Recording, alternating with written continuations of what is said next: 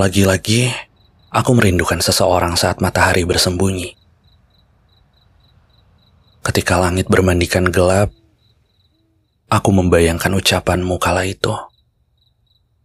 Kau bilang, Meski dengan jarak kita berubah jadi asing, yang penting sekarang kita kejar dulu ya mimpi kita masing-masing.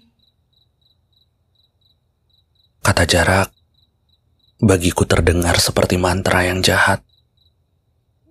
Aku merasa seperti dikutuk, tidak bisa bertemu denganmu lagi. Rindu ini seperti mendung. Kejam sekali. Kau berpikir cuaca akan cerah, tapi badai malah datang berkali-kali.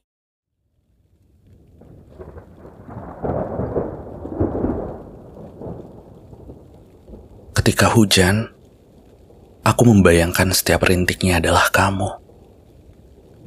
Setiap bunyinya yang menyentuh tanah adalah suara paraumu.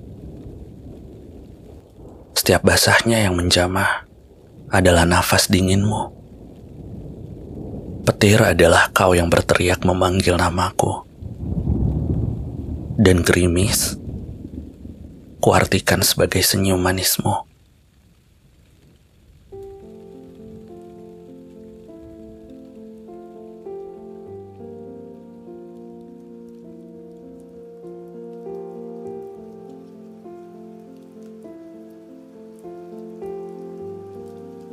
Kau tahu, saat ini bersamamu, aku seperti anak kecil yang berlarian tak memakai baju. Tertawa bermain air seharian karena hatiku terpacu. Meski kau hanya datang sekali dalam satu minggu, tak apa. Yang jelas, saat ini aku sedang benar-benar merasakanmu. Di setiap kunjunganmu, aku akan menungkupkan kedua tanganku, mencoba menutup semua celah yang ada di cemariku, agar tidak ada setetes pun hujan yang lolos dari pandanganku. Berlama-lamalah, kalau perlu, menjadi badailah. Meski sekarang tubuhku sedang menggigil, meski angin ributnya tidak mungil. Janganlah dulu pergi. Temani aku di sini. Aku akan membawakanmu secangkir kopi. Meski sekarang benakku menggebu-gebu seperti api.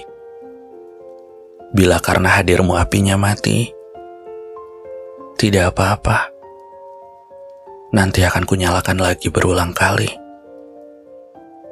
Dengan begitu, kau resmi menjadi perempuan hujan yang berteduh di pikiranku. Sampai kapan pun, aku tidak akan pernah membiarkan payung melindungiku. Agar doa dan harapku padamu ikutan bermekaran tersiram olehmu.